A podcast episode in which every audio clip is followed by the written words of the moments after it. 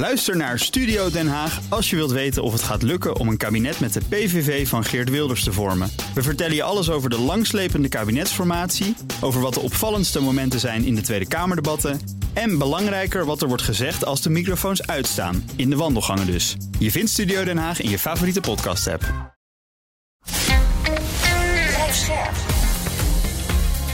BNR Nieuwsradio. Boekenstein en de Wijk. Hugo Reitsma. Welkom bij Boekenstein en de Wijk. Het is vrijdag, dag 534 van de oorlog in Oekraïne. Bij ons is HCSS defensiespecialist Patrick Bolder. Uh, Patrick, wat kan je ons vertellen over de situatie op de grond? Ja, ik ben bang dat het over het algemeen een, een, eh, een, eenzelfde verhaal is als we al weken vertellen natuurlijk. Maar we kunnen toch wel inzoomen op een aantal stukjes. Als we beginnen in die banaanvormige uh, frontlijn in het noordoosten helemaal, provincie Luhansk bij Kupiansk, daar wordt nu keihard gevochten. En de Russen zijn daar bezig met een heleboel mensen, iets van 50.000 uh, volgens de bronnen, uh, om naar het westen op te rukken. En dat lukt ook wel. Enorm veel artilleriebarrages worden uitgevoerd. En daarom heeft de Oekraïnse overheid ook besloten om verschillende dorpjes in. Uh, en dat is al in de provincie Kharkiv, dus dat is al verder dan Luhansk, zeg maar. bij de Oskil-rivier, bij de stad Kupiansk om daar uh, verschillende dorpjes te ontruimen, om te, ja, te evacueren, om die mensen te beschermen. Als we verder gaan naar het zuiden, dan komen wij stel Makivka. Uh, en dat dan, ligt dan net weer binnen de grenzen van de provincie Luhansk. Dus dat is die provincie die Rusland geclaimd had bij Rusland te horen in september uh, 2022 stemmingen daarover. Um, daar wordt ook hard gevochten, maar daar is nog steeds een stukje van die provincie niet in handen van Rusland. Mm. Nog iets verder naar het zuiden uh, komt bij Bakhmut. Lijkt wel stabiel te zijn uh, rondom Klishkivka. Dat is de hogere gebied ten zuiden van Bakhmut. Lijken de Oekraïners toch wel hun positie te versterken. Um, en, en, de Russen staan er wel onder druk, maar vooralsnog nauwelijks terreinwinst. Gaan we nog iets verder naar het zuiden komen bij Avdiivka. Dat is tegen de stad Donetsk aan. Daar staat het echt helemaal stil. Gaan we de bocht om, dan komen we in het zuidelijk front op de grens tussen Donetsk en Zaporizhia. Uh, daar wordt wel weer hard gevochten rond Oerzaine en Staromajorske. En dat lijkt een beetje van handen te verwisselen. Dat is best wel mobiel, maar dat je zegt van er is grote terreinwinst of wisseling in terrein. Uh, marginaal allemaal. Oekraïners lijken wel iets te winnen, net als als we nog verder naar het westen gaan bij Robotine. Dat is dan noord van Tokmak. Mm. Um, maar ja, die, die, die verschillen zijn echt wel marginaal.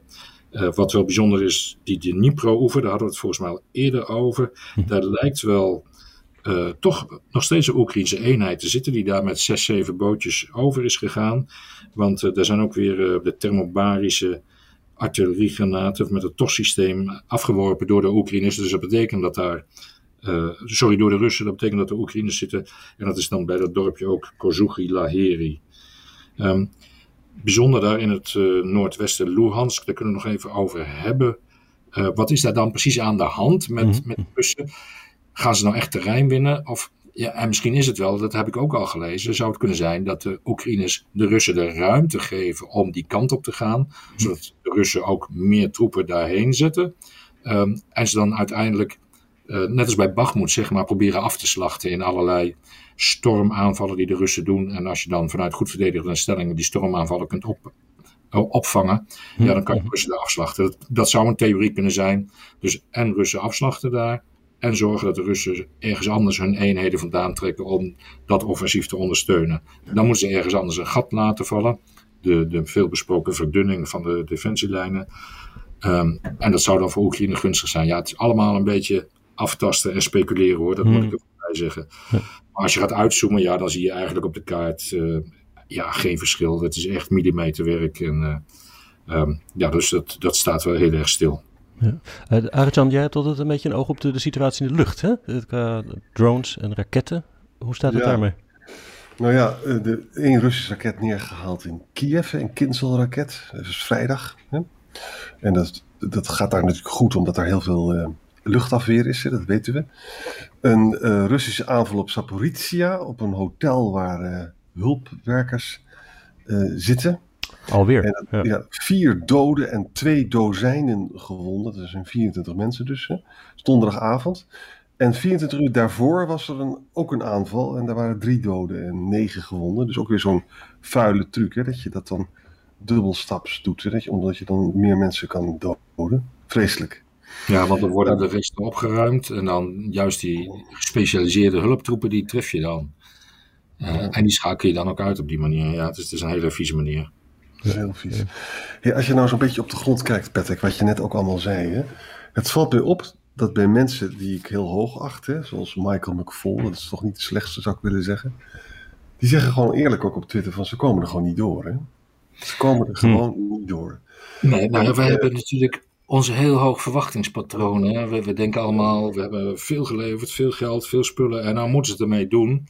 En dat, wij, wij weten ook helemaal niet meer hoe oorlog eruit ziet, gelukkig maar, moet ik zeggen. Hm. Um, en we kennen het eigenlijk alleen maar van spelletjes zoals Call of Duty. Uh, en, en dan ga je zelf niet dood. Ja, je gaat wel virtueel dood, maar dan koop je nieuwe munitie of je start verder, verder terug in het spel. Je gaat weer verder. Zo, zo is het natuurlijk niet. Um, we hebben de Oekraïners wel spullen gegeven. Uh, maar om te overleven en niet om te winnen. En, en van King's College hm. Londen, Michael Clark, die heeft ook gezegd van we always have given them what they need just about in time. And now we may be giving them what they need just about too late. En dat is wel een beetje het verhaal van deze oorlog. Zelensky vraagt al heel lang om een heleboel spullen. Hij krijgt ze wel, maar met enorm veel vertraging. En die F-16's, ja, dat gaat ook weer langer duren. En er zitten allemaal weer problemen met Engelse taal. En gaan de Denen het doen en willen ze dan iedereen tegelijk, ook de grondploegen gaan opleiden. Ja, dat kunnen we dan pas in januari gaan doen. Um, dus ja, dat is wel een beetje ons eigen probleem. En, en wij, onze beperking eigenlijk daarbij projecteren op de Oekraïners dat ze niet snel genoeg zouden gaan. Ja, dat is wel een ja. wel moeite mee, moet ik zeggen hoor. Uh, Michael, Michael maakt dan de redenering ook af. Hij zegt van nou, dat kun je allemaal wel doen. Maar dat betekent dus dat Oekraïne er niet doorheen komt. Dat betekent dat het een hele langdurige oorlog wordt. En dan moet je alsnog moet je opschalen. Want het Westen kan zich ook niet veroorloven dat ze daar eigenlijk gewoon verliezen. Nee. En, en dus houdt hij dus weer een pleidooi voor die ATACMS. Dat zijn dan de Amerikaanse. Hè? We weten dat de Britten en de Fransen hebben die dus wel gegeven. Dat zijn een soort, een, in ieder geval dezelfde range als die ATACMS. Ja. Uh, en de, in, in het Duitsland horen we dus steeds uh, dan weer wel de Taurus, dan weer niet. Ik geloof het laatste bericht is niet. En iemand als Michael McFall, die pleit er dus voor, doe het nou gewoon wel. Want het Westen kan zich ook niet veroorloven als we eind volgend jaar nog geen steek zijn verder gekomen en Trump zit er weer. Ja. Wat vind je daarvan? Ja, die, die, die, Taurus, dat is ook een cruise missile wat je onder een vliegtuig hangt. Uh, die heeft een bereik van 500 kilometer. De TACMS, die wordt afgeschoten met het HIMARS systeem. Die heeft ongeveer 300 kilometer bereik. En de Storm Shadow, dat is de Engelse versie. En de Fransen noemen hem de Scalp. Uh, die kan 250 kilometer. Storm Shadow kunnen ze waarschijnlijk niet goed uitspreken. In de Duitse politiek nou, lijkt toch wel die discussie een beetje te gaan kantelen. We moeten die Taurus misschien toch wel gaan leveren. Maar dan geven we met de software zoals die is, dat die 500 kilometer ver kan. Of gaan we de software aanpassen dat hij bijvoorbeeld 300 kilometer ver kan. Of dat hij in ieder geval niet ver de Russische grens over kan. Um, en die discussie die vindt nu plaats in Duitsland. Samen met misschien wel het koppelen van als de Amerikanen het TACMS gaan leveren, dan willen wij wel de Taurus leveren. En dat is eigenlijk een reflectie van de discussie rondom de tanks. Want uiteindelijk is Scholz pas door de bocht gegaan om tanks te leveren. Toen de Amerikanen ook zeiden, dan leveren wij de Abrams tanks. Die zijn er nog steeds niet. Um, maar, maar, ja, dat geeft al aan, door dat treuzelen, ja, dan krijgt Oekraïne niet de middelen die ze eigenlijk nodig heeft in deze oorlog. En die F-16's ook dat treuzelen, treuzelen, treuzelen, ja, dat betekent dat we ze nog steeds dwingen om te vechten met één hand op de rug. Je wil natuurlijk wel veiligheid in de lucht hebben om je grondtroepen te beveiligen en om de diepe logistieke lijnen te kunnen uh, treffen. Ja. Bovendien, Peter, als je nou analyseert, hè, de, er zijn geen echte ATACMS, die, die, die, eh, de Storm Shadow en die Scalp, maar goed, mensen zeiden die daar tegen waren, als je dat levert, dan uh, gaat Rusland enorm escaleren. Dat is niet gebeurd is weer niet gebeurd. Hè? Hmm. Um, ik, vind, ik begin wel wat te voelen voor de redeneer van Michael McFall. Van, luister, als we zo doorgaan, dan wordt er dus gewoon niet gewonnen. En dat gaat ten koste ook van Europees prestige. Pak nu gewoon door. Uh, en, en er stond een heel goed stuk in Hansblad over de mensen rondom Scholz, hè, de beroemde cookies, hè, die ook een heel belangrijke rol heeft gespeeld hmm. tijdens die hele pandemie. Hè. Nou, die kijken inderdaad, precies wat Patrick zegt, die kijken dus heel erg naar Amerika. Daar is dat die Abrahams nodig om de Leopard 2's te sturen. Hè. Nou, dat, dat zie je dus nu ook. Ik, ik heb nog geen uh, aanwijzingen dat, die, dat Biden die ATACMS gaat doen. Jullie ook niet, hè? Nee, nee, nee. nee. Ik, ik heb de indruk dat hij zo'n soort als stok achter de deur houdt. Als Rusland een bepaalde rode lijn overschrijdt. Dat hij dan zegt van dan krijg je de attackers. Mm, mm. Maar ik weet het niet. Uh, ja, misschien via de backchannels dat, dat ze zo'n overleg hebben met Moskou. Uh, ik weet dat de Joint Chiefs of Staff van de Amerikanen, dus de, de chef defensie staff, wel af en toe contact heeft met, met Gerasimov. maar of wel over welke details dat gaat, dat weet je niet. Ja. Maar waarschijnlijk wordt dan de grote vraag straks welke kant op de conclusie valt in westerse hoofdsteden. Is het van het lukt de Oekraïners niet, dus misschien moet er maar onderhandeld gaan worden? Of het lukt de Oekraïners niet, dus we moeten meer wapens geven? Dat, dat weten we natuurlijk niet. Welke van de twee dat gaat worden. Nee, of, bij, of beide. Of beide. Tegelijkertijd. Voorwaardelijk stellen, ja. Overigens bij die beschietingen, ook op Kiev, uh, het kinderhospitaal is getroffen. Hè? Uh, Arend Jan, je had het over een kinzal die daar was neergehaald.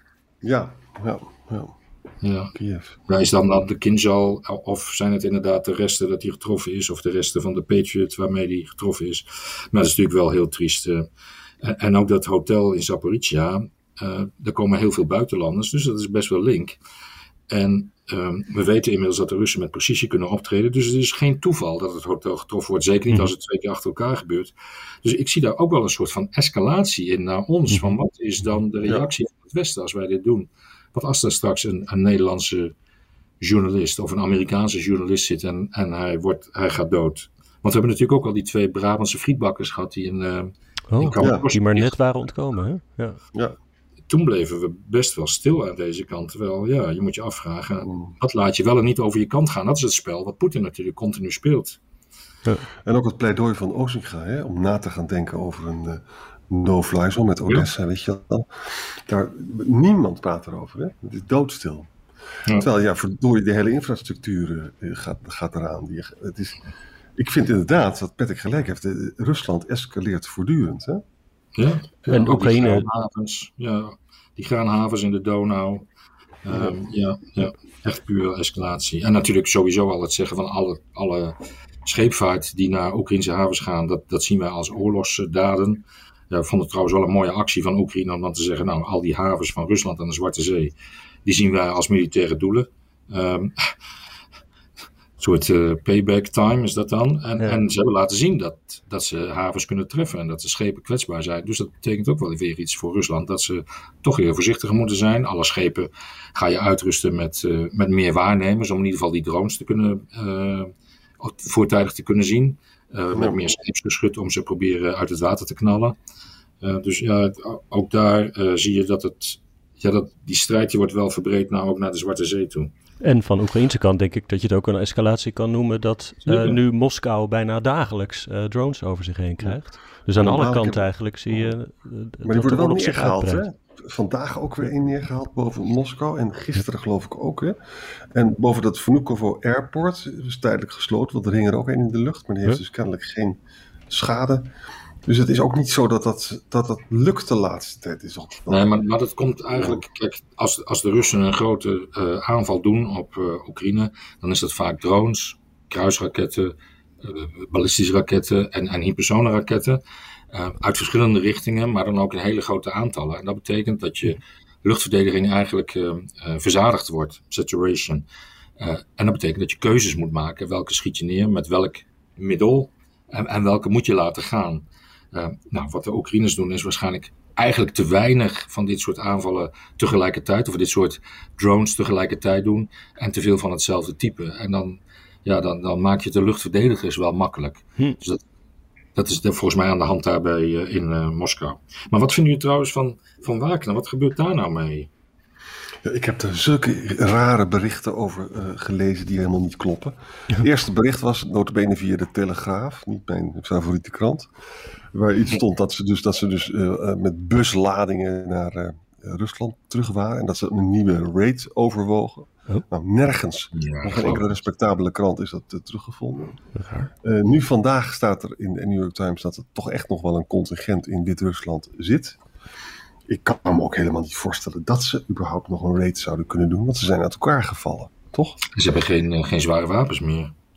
Ja. Dus dat, dat kan niet. Of eh, is een, ja, ik had wel gelezen 5 tot 600. Gaan die nou op vakantie even en gaan die zich straks weer melden bij eh, meneer Prigozhin? Speelt Prigozhin überhaupt nog wel een rol daarin?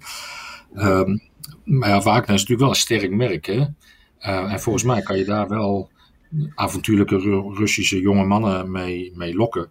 En ze betalen goed. En Hm, hm. Wagner komt ook wel de betalingen na, in tegenstelling tot het Russische ministerie van Defensie. Eh, want ik heb ook die films gezien dat die Russische soldaten klagen over dat hun beloftes niet worden nagekomen. Ze krijgen niet de premie en ze krijgen niet eens hun salaris. Eh, exact. en Wagner lijkt dat wel uit te betalen. Dus als de Russen slim is rijk. Prigozhin Ja. heeft miljarden. En hij is populair in Rusland, zoals je net zei. Ja, is- ook dat nog eens een keer. Dus, en, en het Afrika-verhaal is natuurlijk ook voor Rusland belangrijk. Als je kunt blijven, eh, aanwezig kunt blijven in Afrika en je kunt je, je macht gebruiken, ja, dan, dan ehm, is dat een onderdeel van je buitenlandpolitiek. Je maakt daarmee onrust in Afrika, je jaagt vluchtelingen op.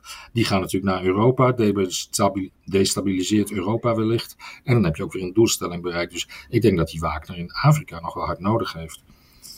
Dus Ja. die zijn nog niet weg, is mijn En we indruk. weten ook dat er dus meer vluchtelingen proberen Polen in te komen. Hè? Dat was, eh, die, die getallen hadden we een paar dagen geleden ook in de podcast. Dat was vier, vijf keer zoveel als vorig jaar. Dus daar gebeurt ook wat. Maar je, leest er niets meer over. Dat is ook zo interessant. Nee, nee, nee, nee. Ja. En ehm, oh ja, wat ik ook nog aardig vond, is dat een eh, Russische kolonel, die heeft een boekje open gedaan over de manier waarop zij rapporteren over eh, behaalde doelstellingen aan het front. Mhm. En hij zei van, het belangrijkste in die rapportage is dat je jouw baas kunt blij maken, zodat hij zijn baas weer kan blij maken. Dus we moeten iedereen pleasen. En, en we weten het ook van elkaar, maar het wordt ook van elkaar verwacht. Dat betekent dus dat je eh, bepaalde doelen eh, die al eerder zijn vernietigd, een, een Leopard tank bijvoorbeeld, als je dan je nog een keer gaat aanvallen en je filmt dat dan vanuit een andere hoek, ja, dan kan je dat als een nieuwe overwinning claimen en dat rapporteer je dan naar boven en die rapporteren dat naar de militaire top en die rapporteren dat dan naar de politieke top, Shoigu en, eh, en Poetin. En dan eh, is iedereen blij van kijk eens hoe goed we zijn. En dat geeft een goed gevoel. Ja, op de grond maakt het niks uit. Maar dat schijnt dan toch wel de Russische manier van rapporteren te zijn. En dat hebben we al eerder gezien. Hoe ook in, in vredestijd, voordat deze oorlog begon, dat er eh compagnies die gingen naar de schietbaan. Eh, en er werden er foto's gemaakt van nou, onze compagnie is op de schietbaan. En daarna werden ze weer afgemarcheerd, maar gingen Ja, nooit ja. schieten. Ja. Dat geldt voor die kogels. Stopte de commandant in zijn zak. eh, en eh, ja, Ja, hij rapporteerde, we zijn wezen schieten. Dat werd te hoog in de lijn. Nou, we hebben een goede eenheid van die is wezen schieten. Nou, dat geeft wel een beetje weer hoe dan eh, ja, de boel wordt vervalst. En hoe je dan ook hogerop in de commandolijn het idee krijgt van mijn eenheden zijn goed getraind, goed uitgerust, weten wat ze moeten doen. Maar de werkelijkheid blijkt dan anders te zijn. Dus Poetin heeft allemaal ja-knikkers om zich heen. Hè? Daar komt het eigenlijk op neer. En dat is heel gevaarlijk. Ja, dat hebben we gezien. Daarom heeft hij die vergissing ook gemaakt in de eerste dagen van de oorlog.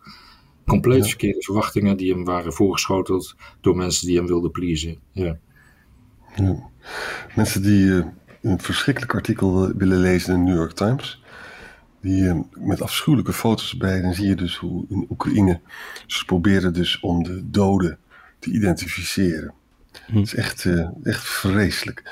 Want mensen hebben dus bijvoorbeeld, ze missen allemaal ledematen in het hoofd. En dan gaan ze dus zoeken naar, ja, tatoeages en zo in de Oh. God, ja. Het is echt eh, treurigheid, de droevenis ten top. Goh jongens, we sturen mensen wel weer somber het weekend in hoor. Ja, Ja. Zelensky Ja, ontslaat alle regionale hoofden voor militaire recrutering, weet je wel. Nou, als Oh, je ja. 10.000 dollar betaalde, dan Ja. hoeft hij niet Mhm. in de, naar de Ja. krijgsmacht. En Zelensky pakt dat nu helemaal door. Van alle regionale hoofden worden ontslagen. Want Ja. het gebeurde veel te vaak. Mensen verrijkten zich daar. Ja, die dingen gebeuren. Nou, zullen we maar weer afronden voor vandaag? Ja. Verder. joggers eh, genoeg eh, tijd nu om een rondje af te maken? Ja, ja, ja, de 19 minuten. Ja, dat lijkt me een mooi rondje. Ja, Oké, oké, dank. Tot morgen. Tot, tot morgen. morgen. Ook Diana Matroos vind je in de BNR-app. Ja, inderdaad. Je kunt live naar mij luisteren tijdens de Big Five. Ook handig in de BNR-app. Breaking nieuwsmeldingen, maar ook het allerlaatste zakelijke nieuws. En je vindt in de app alle BNR-podcasts, waaronder Wetenschap Vandaag. Download nu de gratis BNR-app en blijf scherp.